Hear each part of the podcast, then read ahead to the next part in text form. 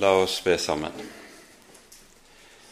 Kjære gode Herre, så kommer vi til deg på ny og takker og lover deg for all din nåde imot oss.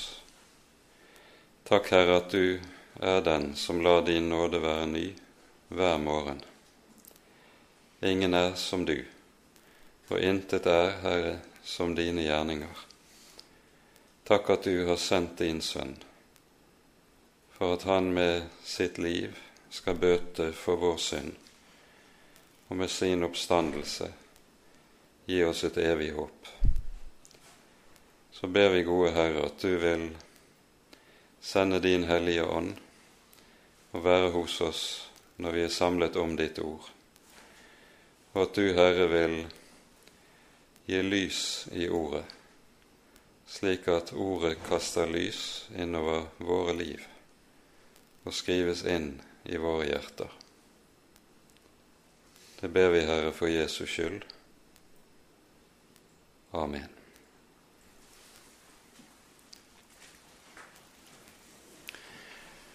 Sist gang var vi da sammen om eh, det siste og avgjørende som skjer i forbindelse med utgangen av Egypt, nemlig at Gud leder folket til Det røde hav, leder dem inn i det som ser ut som en helt umulig knipe, og så blir nettopp det foranledningen til den utfrielsen som står der med overskriften fra ordene i eh, det 14. kapittel i andre Mosebok Herren skal stride for dere, og dere skal være stille. Havet deler seg på Guds befaling. Folket går gjennom havet som på tørre land, mens faraos hær blir liggende igjen på bunnen av vannmassene som vender tilbake til sitt leie. Og så synger folket lovsangen som lyder i det 15. kapittel i annen Mosebok. Den sangen som gjerne kalles for Moses sang, og som det også refereres til i åpenbaringsboken i det 15. kapittel. Ehm, det man da kan legge merke til når det gjelder sammenhengen der, det er at det vi hører av lovsangen i eh, Åpenbaringen 15, det er i grunnen det som er tema for uh, Moses sang her i 2. Mosebok 15, uh, bare gjengitt i kortform. Uh, jeg tror vi må si det sånn. Det som sies i eh, det ellevte verset i denne lovsangen, det er noe som er en hovedsak i Bibelen. Herre, hvem er som du blant gudene? Hvem er som du, herlig i herlighet? Forferdelig eller fryktinngytende å lovprise, underfull i gjerning. I Salme 86 møter vi denne tematikken igjen i følgende sats. Ingen er som du blant gudene, Herre, og intet er som dine gjerninger.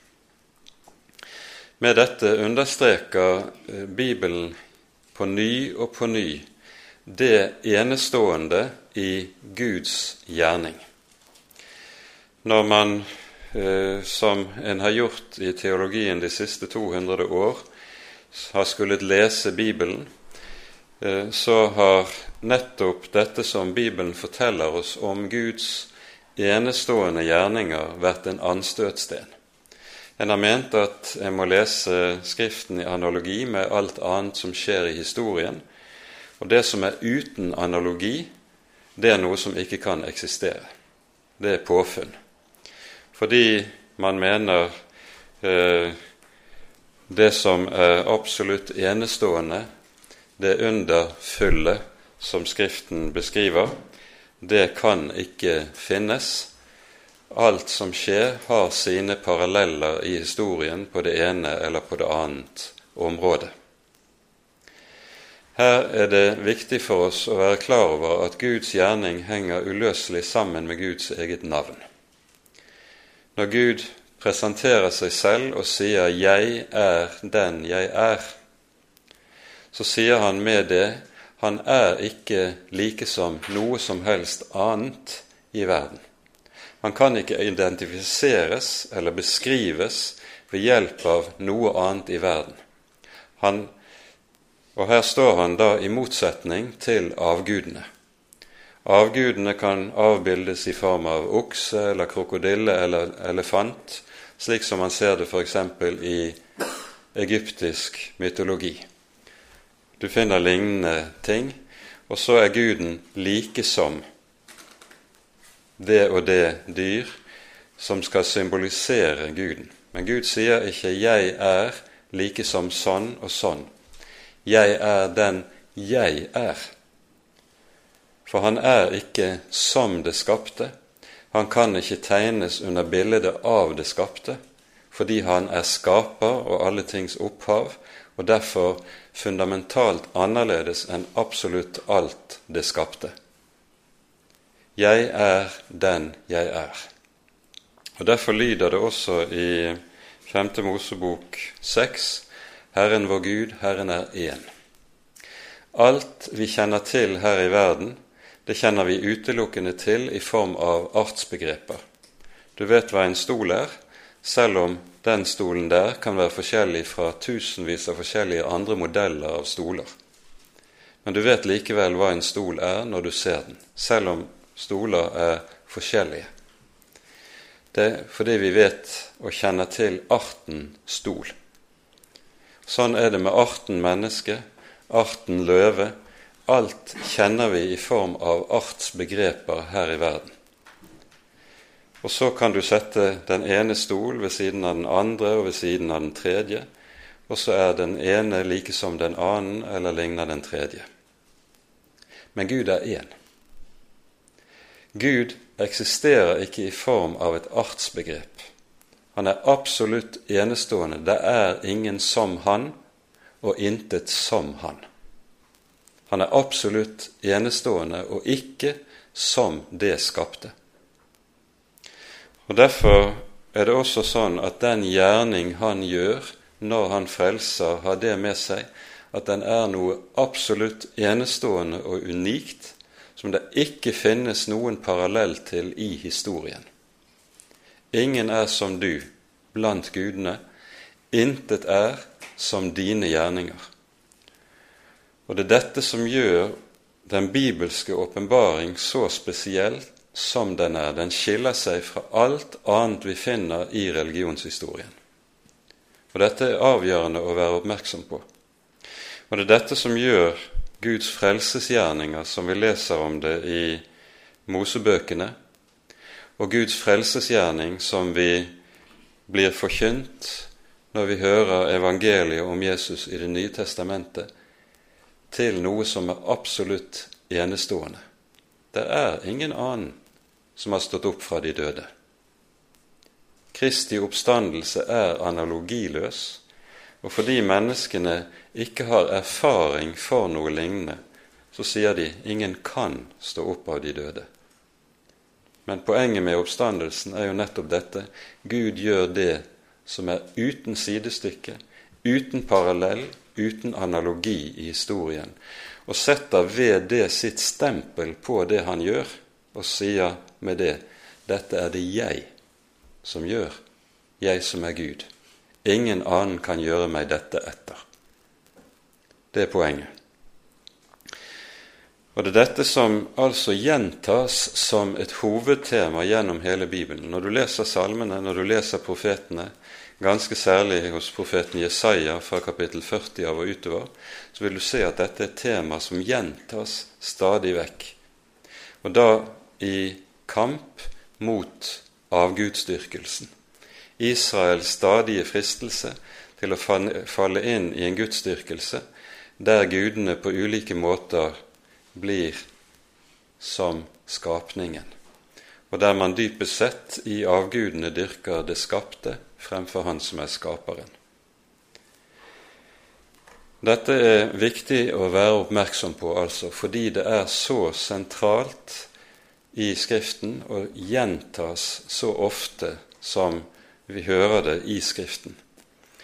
Um, så legg merke til dette når du leser din bibel.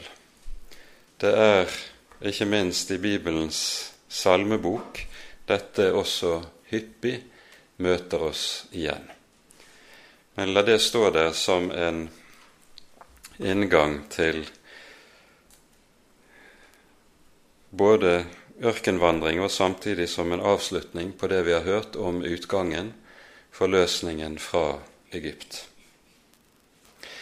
Herren leder nå folket ut i ørkenen.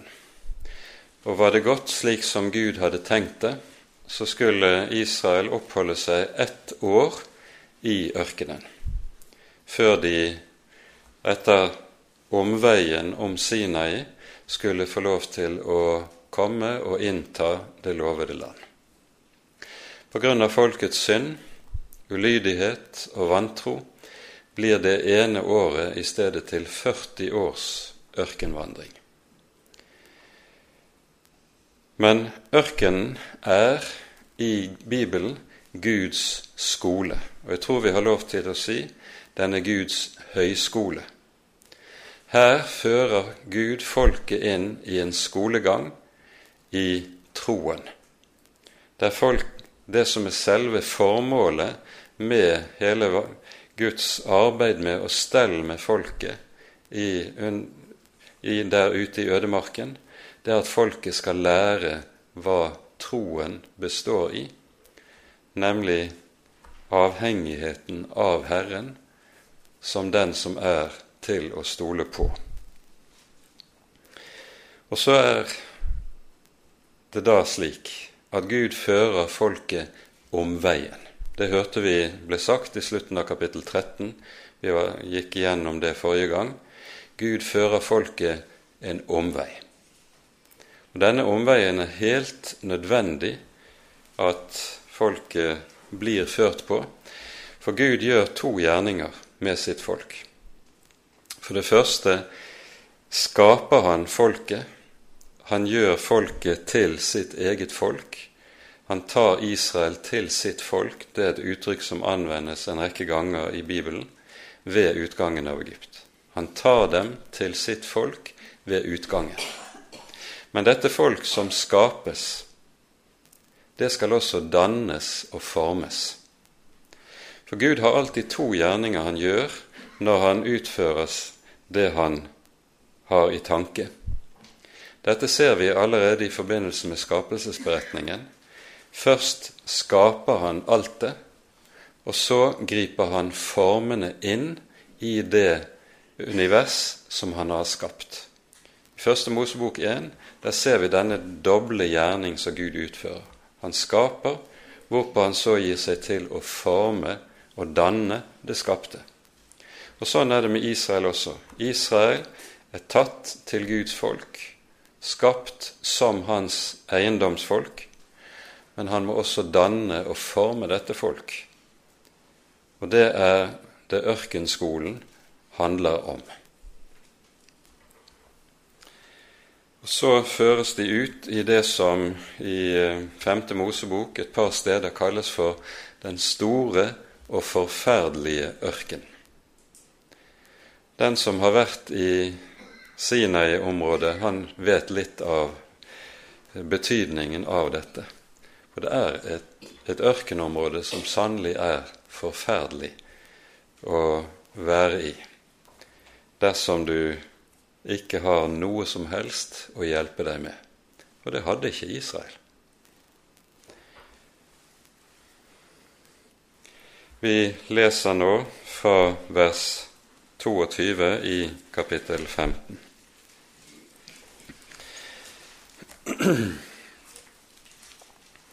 Så lot Moses Israel bryte opp fra Rødehavet, og de dro ut i ørkenen Sjor. I tre dager dro de frem gjennom ørkenen uten å finne vann. Så kom de til Mara, men de kunne ikke drikke vannet i Mara fordi det var beskt Derfor ble stedet kalt Mara, som betyr bitterhet eller beskhet. Folket knurret mot Moses og sa, Hva skal vi drikke? Da ropte han til Herren, og Herren viste ham et tre. Det kastet han i vannet, og vannet ble godt. Der satte han dem lov og rett, der prøvet han dem. Han sa, Dersom du hører på Herren din Guds røst, og gjør det som er rett i Hans øyne, dersom du gir akt på Hans bud og holder alle Hans forskrifter, da vil jeg ikke legge på deg noen av de sykdommene som jeg la på egypterne, for jeg er Herren din lege. Så kom de til Elim. Der var det tolv vannkilder og 70 palmetrær og de slo leir der ved vannet. Det området som Israel nå kommer inn i, det er noe som også dagens eh, geografer kjenner til. Når en drar langs Rødehavskysten sørover langs eh, Sinai-halvøyen, så kommer man til et område der jordsmonnet er fullt av salpeter. Så er det et par kilder i området, men disse er så forurenset av salpeter at det er umulig eh, til drikke både for mennesker og dyr. Og Det er dette området Israel nå kommer inn i. De har vandret tre dager. Det begynner å bli slutt på vannforrådet. Og så begynner de å knurre. Hvis vi leser det siste verset i kapittel 14, så hører vi det lyder Da Israel så Guds mektige hånd, som han viste mot egypterne, fikk folket ærefrykt for Herren. De trodde på Herren og på hans tjener Moses. Tre dager senere er de uten vann. Hvor er nå troen hen? Er det en trygg tro som sier 'Herren har hjulpet hittil, Han skal nok vite å hjelpe oss fortsatt'. Er det det som lyder? Overhodet ikke. Luther bemerker ganske fyndig i forbindelse med det som skjer her. Når forrådet blir borte, blir troen borte også. Og nettopp det er tilfellet. For det som vi gjentatte ganger ser når det gjelder Israels ørkenvandring, at den tro de har, det er en tro som er basert på at de kan se, ta og føle på Guds velsignelse. Og kan de ikke se, så er det ingen tro. Men dermed så ser vi også at den tro det taler om i denne sammenheng, det er ikke det Bibelen kaller tro. For tro er full visshet om det som ikke sies. Troen har blikket festet på det usynlige, ikke på det synlige. Paulus skriver i 2. Korinterbrev vi vandrer i tro, ikke i beskuelse. Og Det som altså er den skole som folket må begynne på nå i ørkenen, det er at de må begynne å lære å tro på Herren selv om de ikke ser. Selv om de ikke kan ta og føle på helt umiddelbart Hans velsignelse, så må de tro uten å se. For hva er det troen, slik Bibelen taler om den, har sitt feste i? Troen har sitt feste i Guds ord og løfte den har ikke sitt feste i noe vi kan se med våre øyne, men altså i stedet noe vi kan høre med våre ører, i Guds ord. Og Guds ord står fast, enten man ser eller ikke ser. Guds ord er det samme, helt uavhengig av hva en føler eller ikke føler. Og det er dette det dreier seg om nå når vi kommer inn i ørkenen. Når forsyningene tar slutt, tar troen slutt. Slik bemerker Luther det, og vi har en tilsvarende kommentar til dette i Salme 106.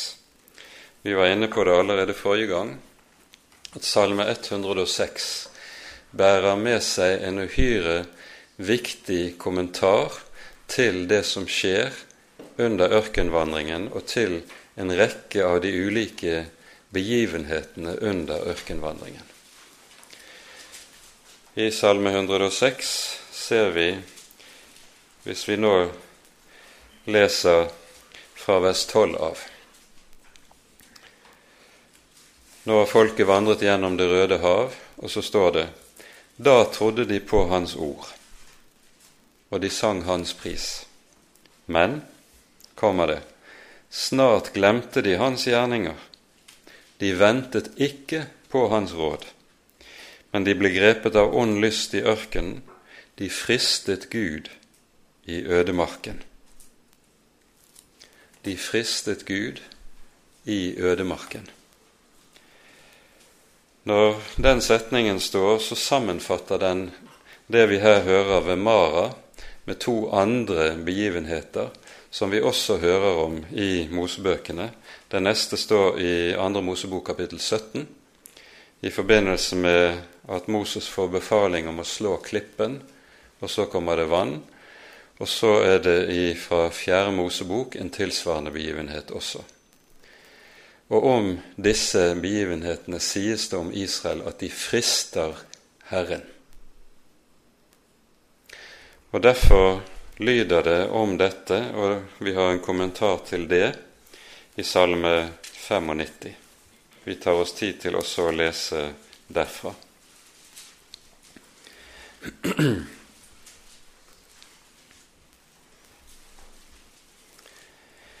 Vi leser fra vers 6.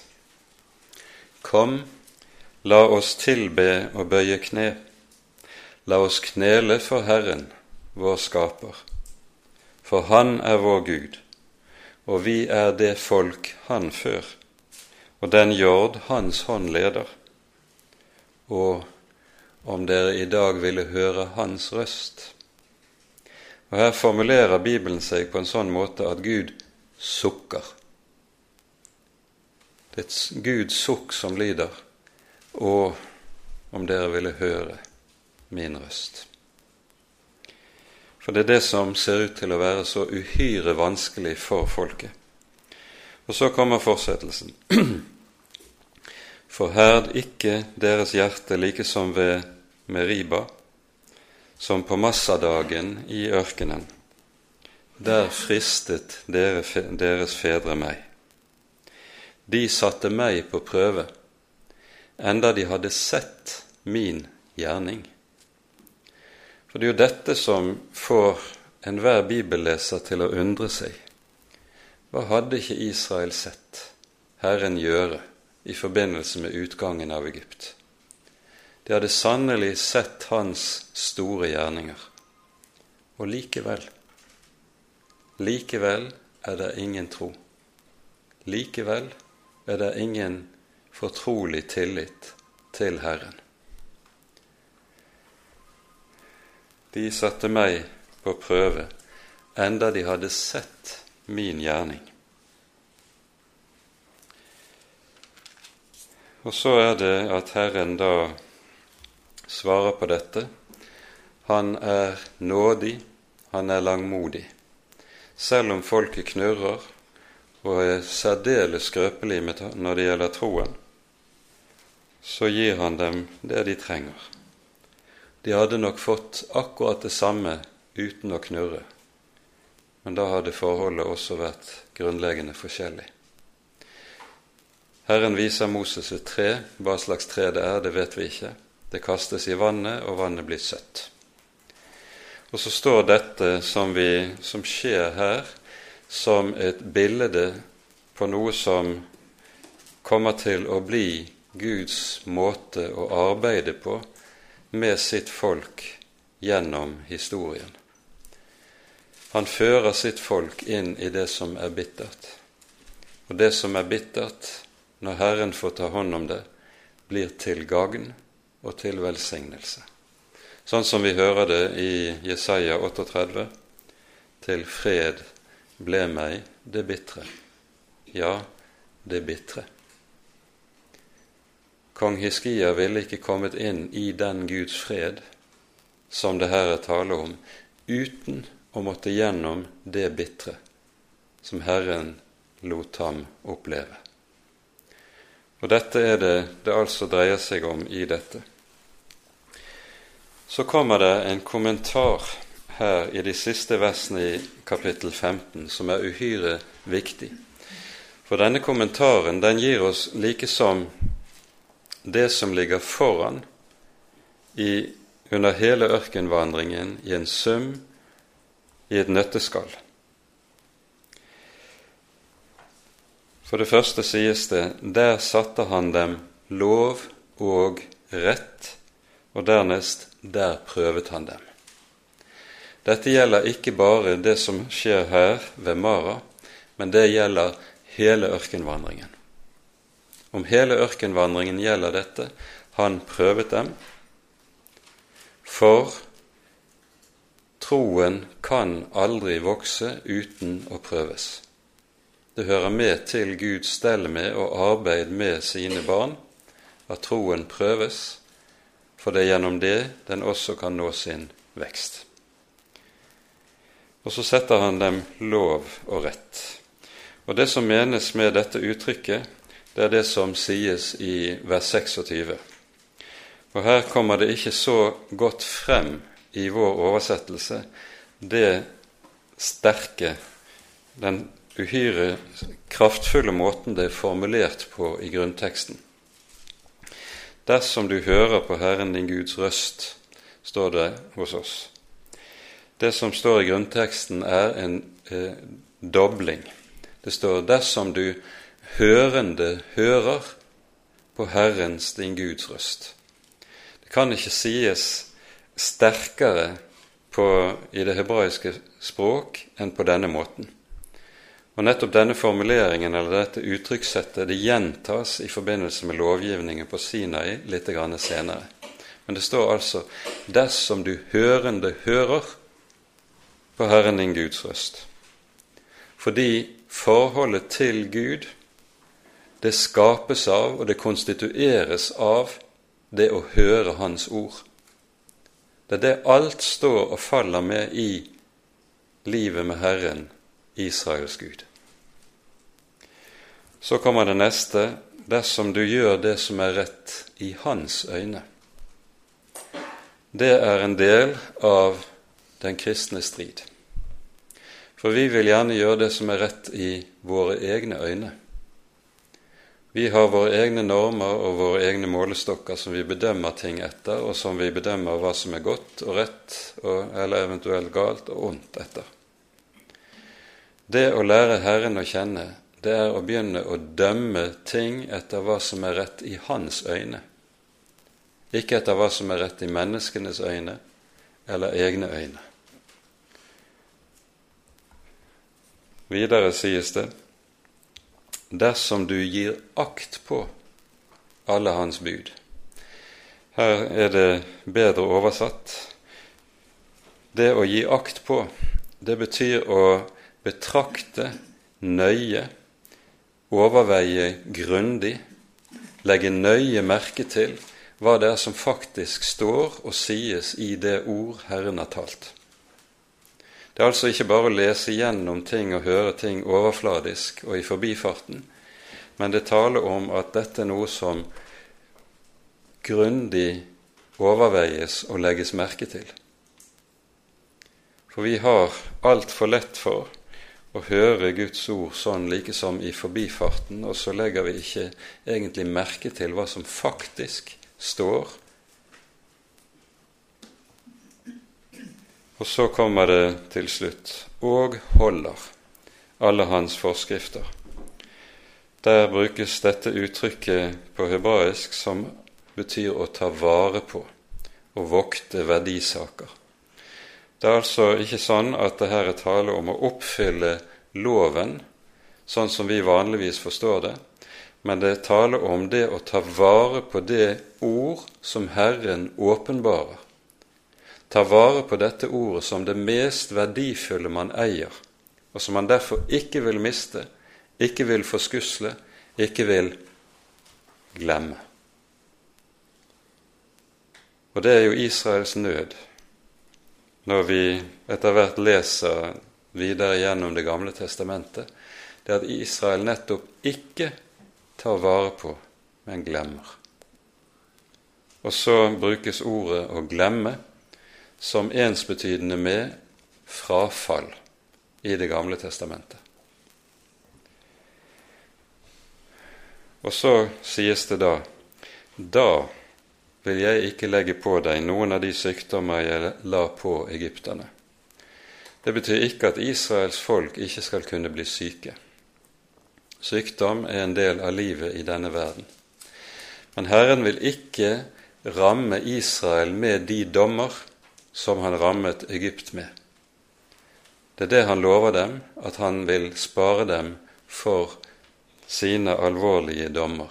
For, sies det, 'Jeg er Herren, din lege'. Og Dette er det som får sin gjenklang i Salme 103. Min sjel lov Herren, og glem ikke alle hans velgjerninger, Han som forlater all din synd, som leger alle dine sykdommer. Det er det du har en gjenklang av i dette.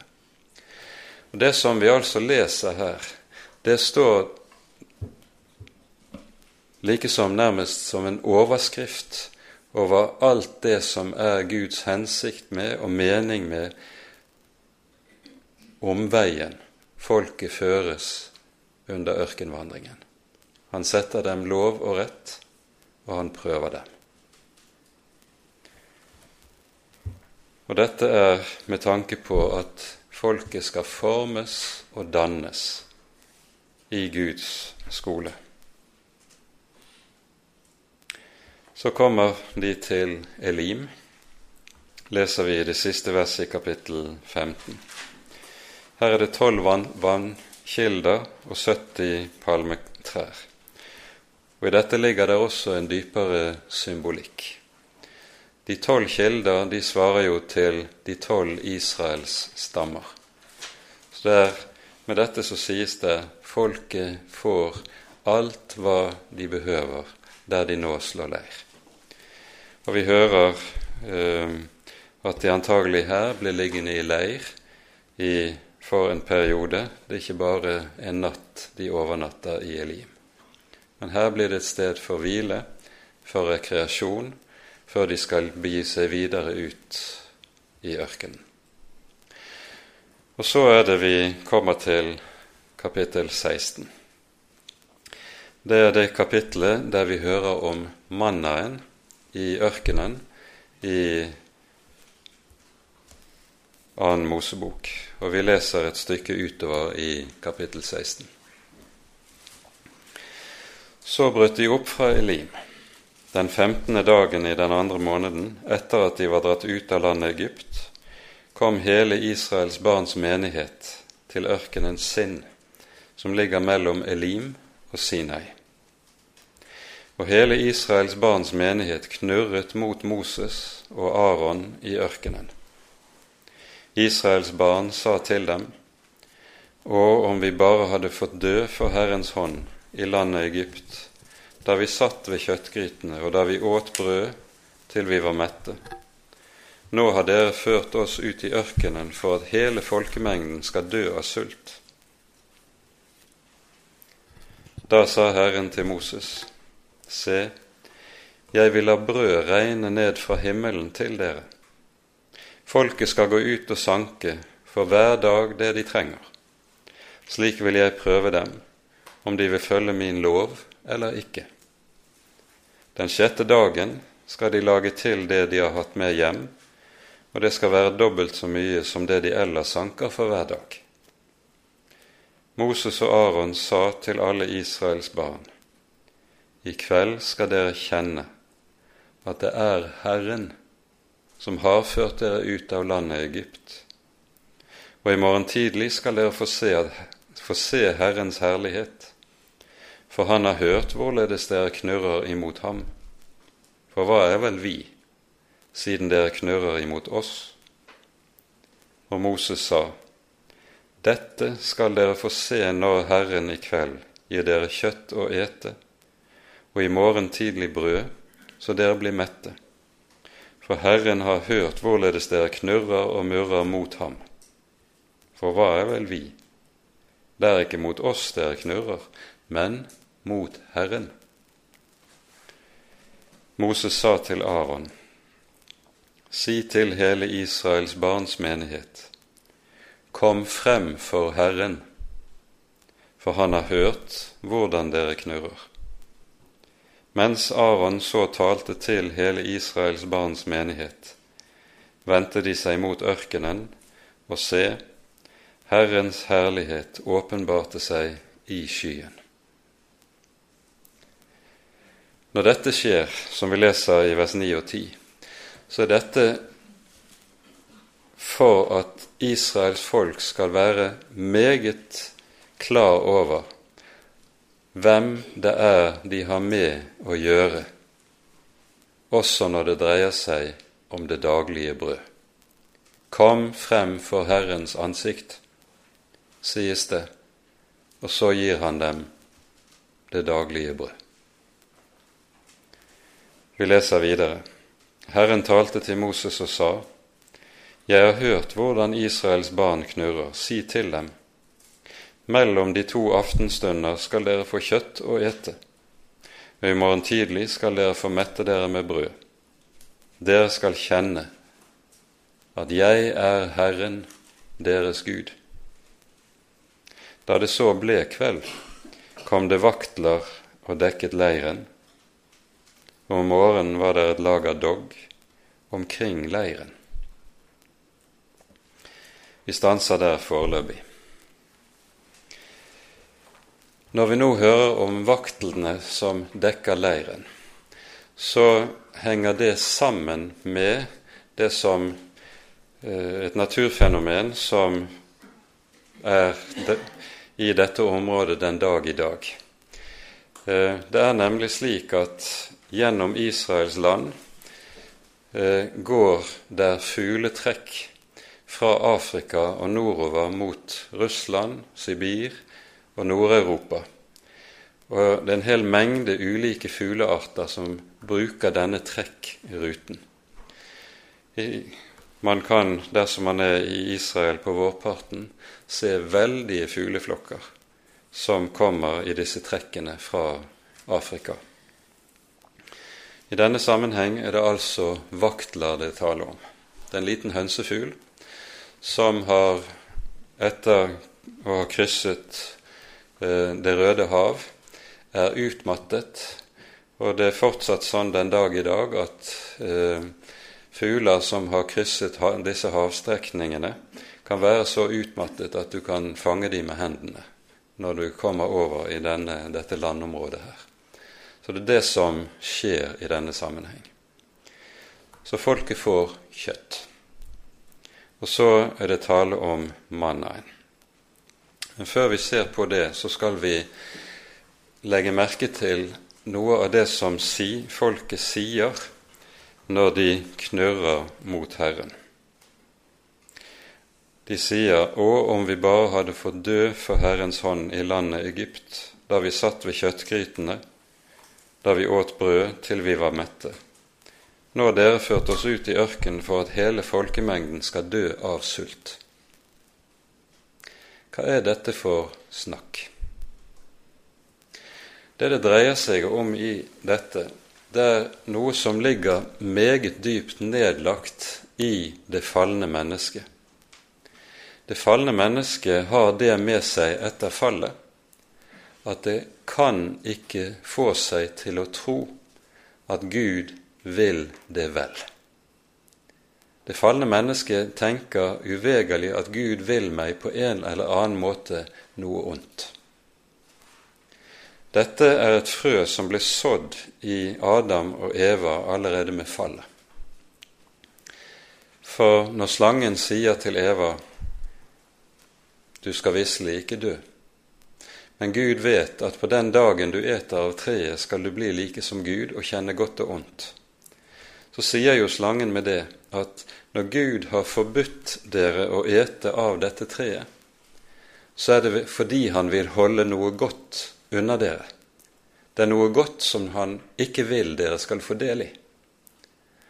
Og så skapes det fra den dagen av likesom en mistenksomhet overfor Gud i menneskets hjerte, og som ligger der gjennom hele menneskets historie, og som hører med som en grunnleggende side ved det falne mennesket, ved syndenaturen hos oss. Vi har ingen tillit til Gud. Vi nærer den dypeste mistenksomhet overfor ham. Han vil meg ikke vel. Derfor har han ført meg hit. Og så er det dermed også slik at når Herren åpenbarer sin nåde, sin godhet og sin kjærlighet i sine frelseshandlinger, så er det ofte uhyre vanskelig for mennesket riktig å tro det på ramme alvor. Kan det være sant? Kan det virkelig være sant at han elsker slik? Dette er en del av det som kjennetegner troen, at den overvinner denne mistenksomhet. Og så i stedet trygt og fortrolig lar seg ligge i Herrens hånd, i det en vet. Han er min gode far, som ikke vil annet enn vel for meg, selv om han fører meg på veier som jeg ikke forstår selv om han fører meg ut i ørkenen, hvor jeg synes jeg mangler det aller, aller meste. Han vil meg vel, og han er min far like fullt, som elsker meg som en far sine barn. Slik taler troen, men det er altså dette som er så vanskelig for Israel riktig, for at det riktig kan synke inn i folket. Og Derfor hører vi på ny og på ny denne knurring lyde fra folket under ørkenvandringen. Når Herren har ført oss hit, så er det fordi Han vil oss ondt. Det er fordi Han vil drepe oss. Det er ikke fordi Han vil velsigne oss.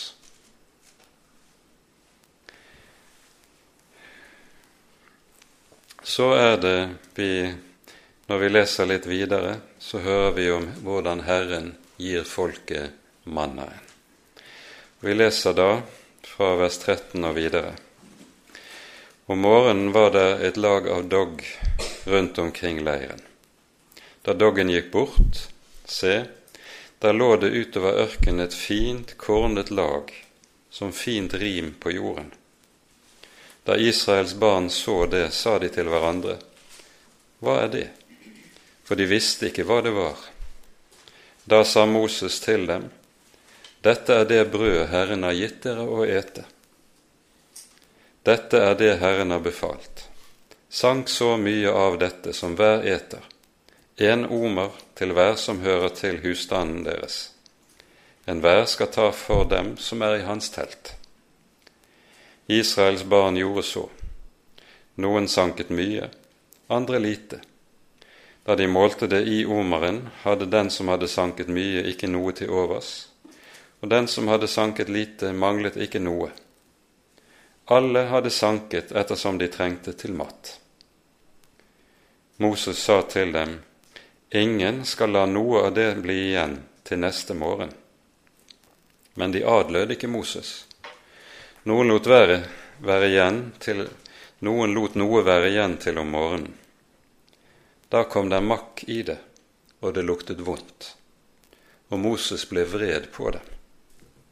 Siden sanket de hver morgen ettersom hver trengte, men når solen brente hett, smeltet det. Den sjette dagen sanket de dobbelt så mye brød, to omer for hver. Alle folkets høvdinger kom og meldte dette til Moses. Da sa han til dem, Det er det Herren har sagt, i morgen er det sabbat, hellig sabbat for Herren. Bak nå det dere vil bake, og kok det dere, dere vil koke.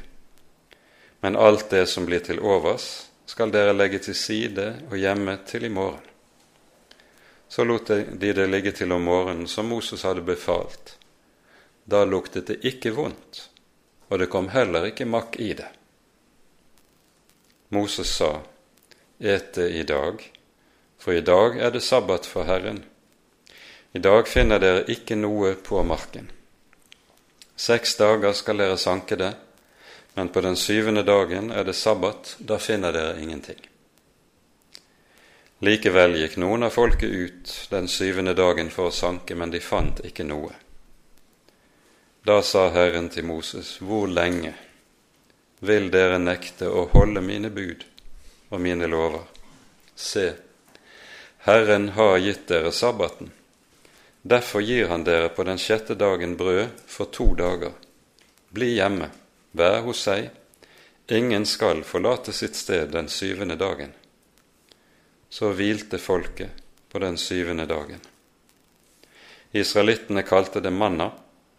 Det lignet korianderfrø og var hvitt og smakte som honningkake. Og så gjør vi et hopp til slutten av kapittelet, vers 35, Israels barn åt manna i 40 år, til de kom til bebodd land. De åt manna helt til de kom til grensen av Kanans land. Og På denne måten så holder Herren sitt folk oppe og holder dem i live gjennom hele de 40 års ørkenvandring. Han gjør det altså på det vis at han gir dem mannen i form av daglig brød. De kan ikke samle et helt forråd. De får bare det de trenger for den ene dagen. Så er det for, er det intet å tære på til i morgen, og i morgen må de ut og hente nytt. Og dette skal minne om to grunnleggende saker. For det første det som vi leser i eh, klagesangene i det tredje kapittel. Han lar sin nåde være ny hver morgen. De trengte ikke å ha store lager av mat, for Herren sørget for dem. Og når det står at det går makk i mannaen, og den lukter ille dersom de prøvde å oppbevare det, så anskueliggjør dette det som er alt Guds, noe av det som kjennetegner alt Guds liv. At Guds nådes gave er ikke noe som kan oppbevares i lommen som, på samme måte som du har en stein i lommen. Men det er noe som du må få på ny og på ny. Ny nåde hver nye morgen. Det er livet i Herren. Og For det andre så ligger det i dette eh, den, noe av dette Jesus eh, peker tilbake til i Johannesevangeliets sjette kapittel, når eh, han samtaler med folket etter at de har blitt mettet i ørkenen. De 5000 er blitt mettet i ødemarken. Og så sier han følgende.: Jeg er livets brød. Den som kommer til meg, skal aldri noensinne hungre. Da er det et poeng i denne sammenheng, akkurat som det er for øvrig i Det nye testamentet, at når det brukes presensformen, så betyr ikke presens først og fremst nåtid, betegne noe som foregår i dette øyeblikk.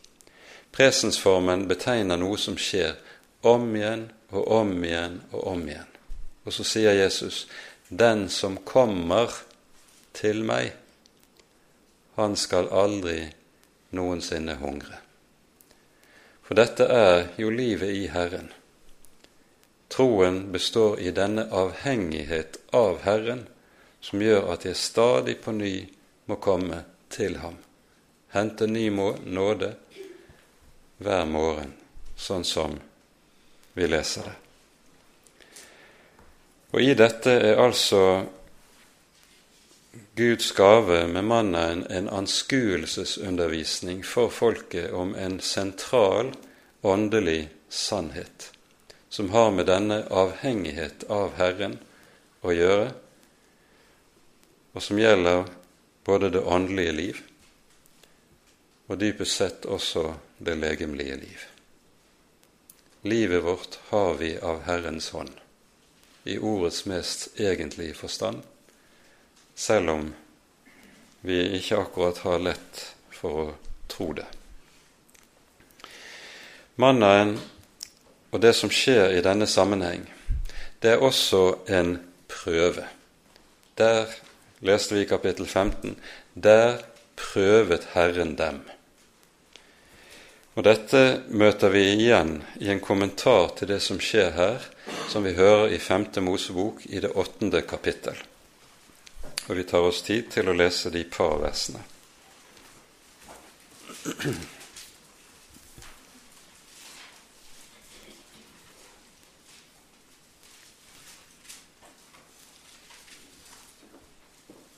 Femte Mosebok åtte, og vi leser vers to og vers tre.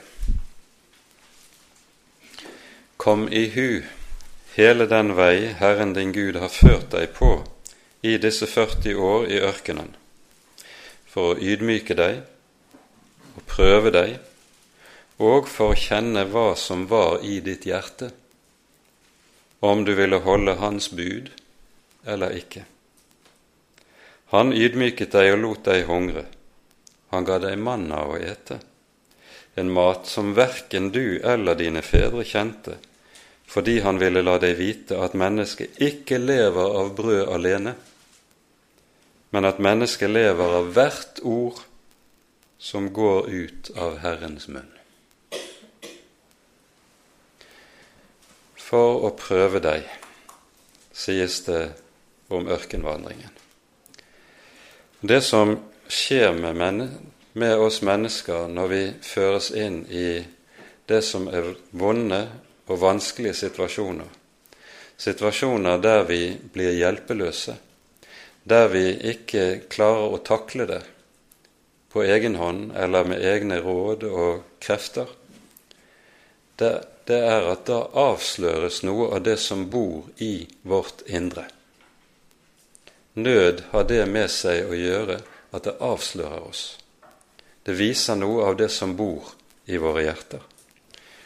Og det er nettopp det som sies. For å prøve deg å kjenne hva som var i ditt hjerte, sies det. Og hva er det Gud vil prøve når det gjelder hjerten? Om du vil ta vare på Herrens ord eller ikke. Han vil ikke prøve om hjertet er fromt og hellig og rettferdig og godt. Det er ikke det prøven dreier seg om. Men det prøves altså om du tar vare på Herrens ord eller ikke. Det er altså hjertets grunnforhold til ordet som prøves under ørkenvandringen, og som denne typen eh, prøvelse og trengsel som vi her leser om, avslører for oss. Ørkenskolen er altså en skole der mennesket avsløres. De ser så fromme ut. Da Israel så Herrens gjerning, trodde de på Herren og på hans tjener Moses. Ja, det høres fromt ut når de synger lovsanger ved Det røde hav. Men så kommer de vanskelige tider. Da viser det seg hva som bor der bak Vesten. Og det er dette altså som er en helt grunnleggende side ved det Gud arbeider med når Han fører oss ut i ørkenen.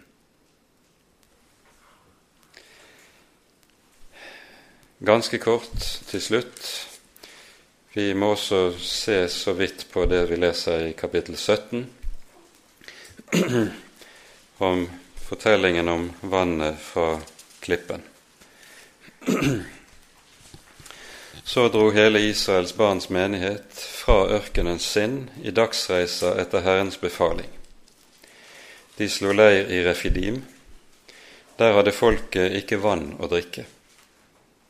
Derfor trettet folket med Moses og sa, Gi oss vann, så vi får drikke. Moses svarte dem, Hvorfor tretter dere med meg? hvorfor frister dere Herren? Men folket tørstet etter vann. De knurret mot Moses og sa, Hvorfor har du ført oss opp fra Egypten for å la oss og barna våre og buskapen vår dø av tørst? Det er den samme mistillit som vi har hørt tidligere, som her får ord. Da ropte Moses til Herren og sa, Hva skal jeg gjøre med dette folket? Det er ikke langt fra at de steiner meg. Herren sa til Moses, Gå frem foran folket og ta med deg noen av Israels eldste. Din stav, som du slo i elven med, ta den i hånden og gå. Så vil jeg stå der foran deg på klippen ved Horeb. Du skal slå på klippen, og det skal flyte vann ut av den, så folket får drikke. Og Moses gjorde så, mens Israels eldste så på. Han kalte stedet Massa og Meriba fordi Israels barn trettet med Herren, og fordi de fristet Herren og sa:" Er Herren iblant oss eller ikke?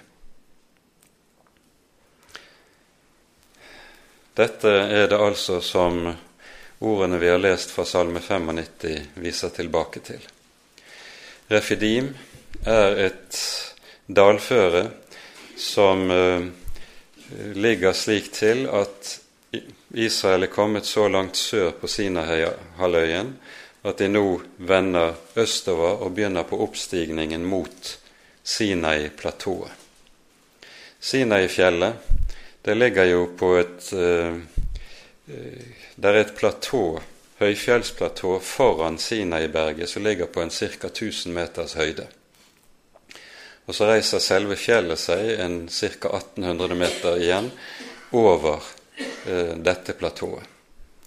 Refidim ligger eh, på veien oppover mot dette i et dalføre som er relativt trangt, eh, og eh, omgitt av eh, veldige granittklipper. Eh, og Derfor nevnes også i denne sammenheng i vers 6 står på klippen ved Horeb. Horeb er et av navnene på Sinai, for her, allerede her er så å si det fjellmassivet som Sinai-fjellet er en del av, eh, har begynt å reise seg. Det er eh, granitt og basalt i fjellområdet her. Jeg var der for en god del år tilbake.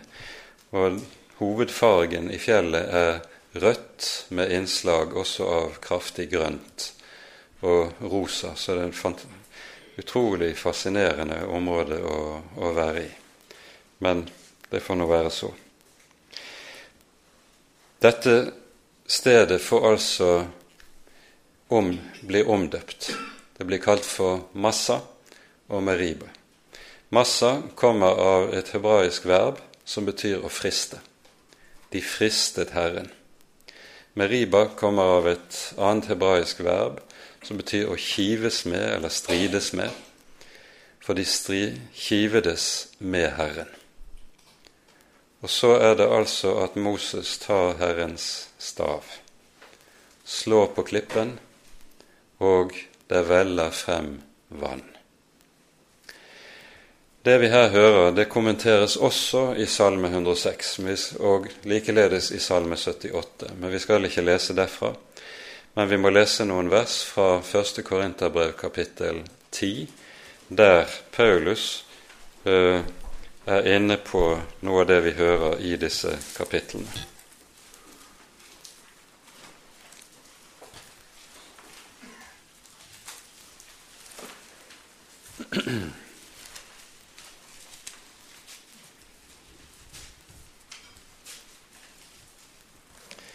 Vi leser fra vers 1.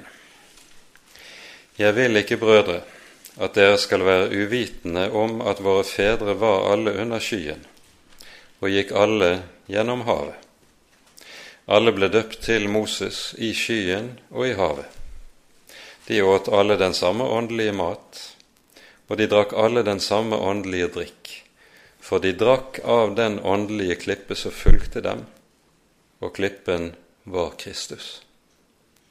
Når det sies her at de, drakk, de spiste den samme åndelige mat og drakk den samme åndelige drikk, så sikter jo dette til det som vi leste fra 5. Mosebok 8, at når Herren gir folket mannaen, så er det for at de skal vite at mennesket lever ikke av brød alene, men av hvert ord som går ut av Herrens munn. Det er det troen lever av. Og så kommer det i fortsettelsen likevel fant Gud ikke behag i de fleste av dem for de ble slått ned i ørkenen. Men disse ting hendte dem som forbilder, så vi ikke skal ha lyst til det onde, like som de. Dette er altså skrevet ned i Den hellige skrift, med tanke på at vi skal ta lærdom av det som her fortelles. Israels erfaring i Guds skole skal være til hjelp for oss på vandringen og troens liv under vandringen. Til sist klippen som fulgte dem, var Kristus, sies det. Herren lover når Moses slår på klippen, at han vil stå på klippen der foran ham.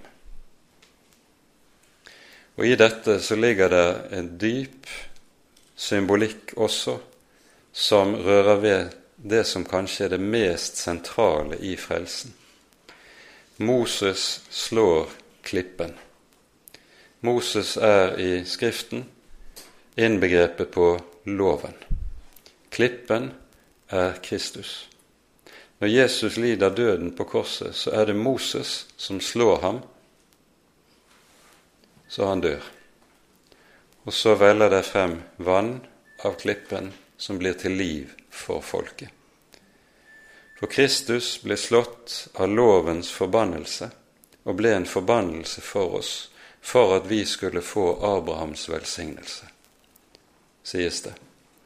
Så dette er noe av den, de åndelige bilder som så å si trer frem for oss ut av det vi hører i disse fortellingene, og som Det nye testamentet gjør seg bruk av for å hjelpe oss i troens liv.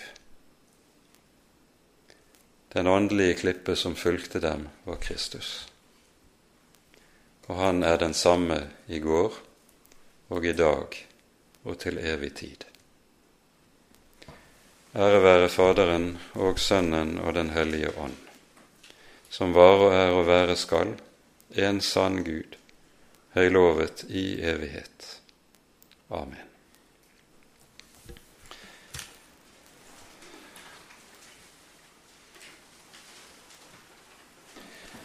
Da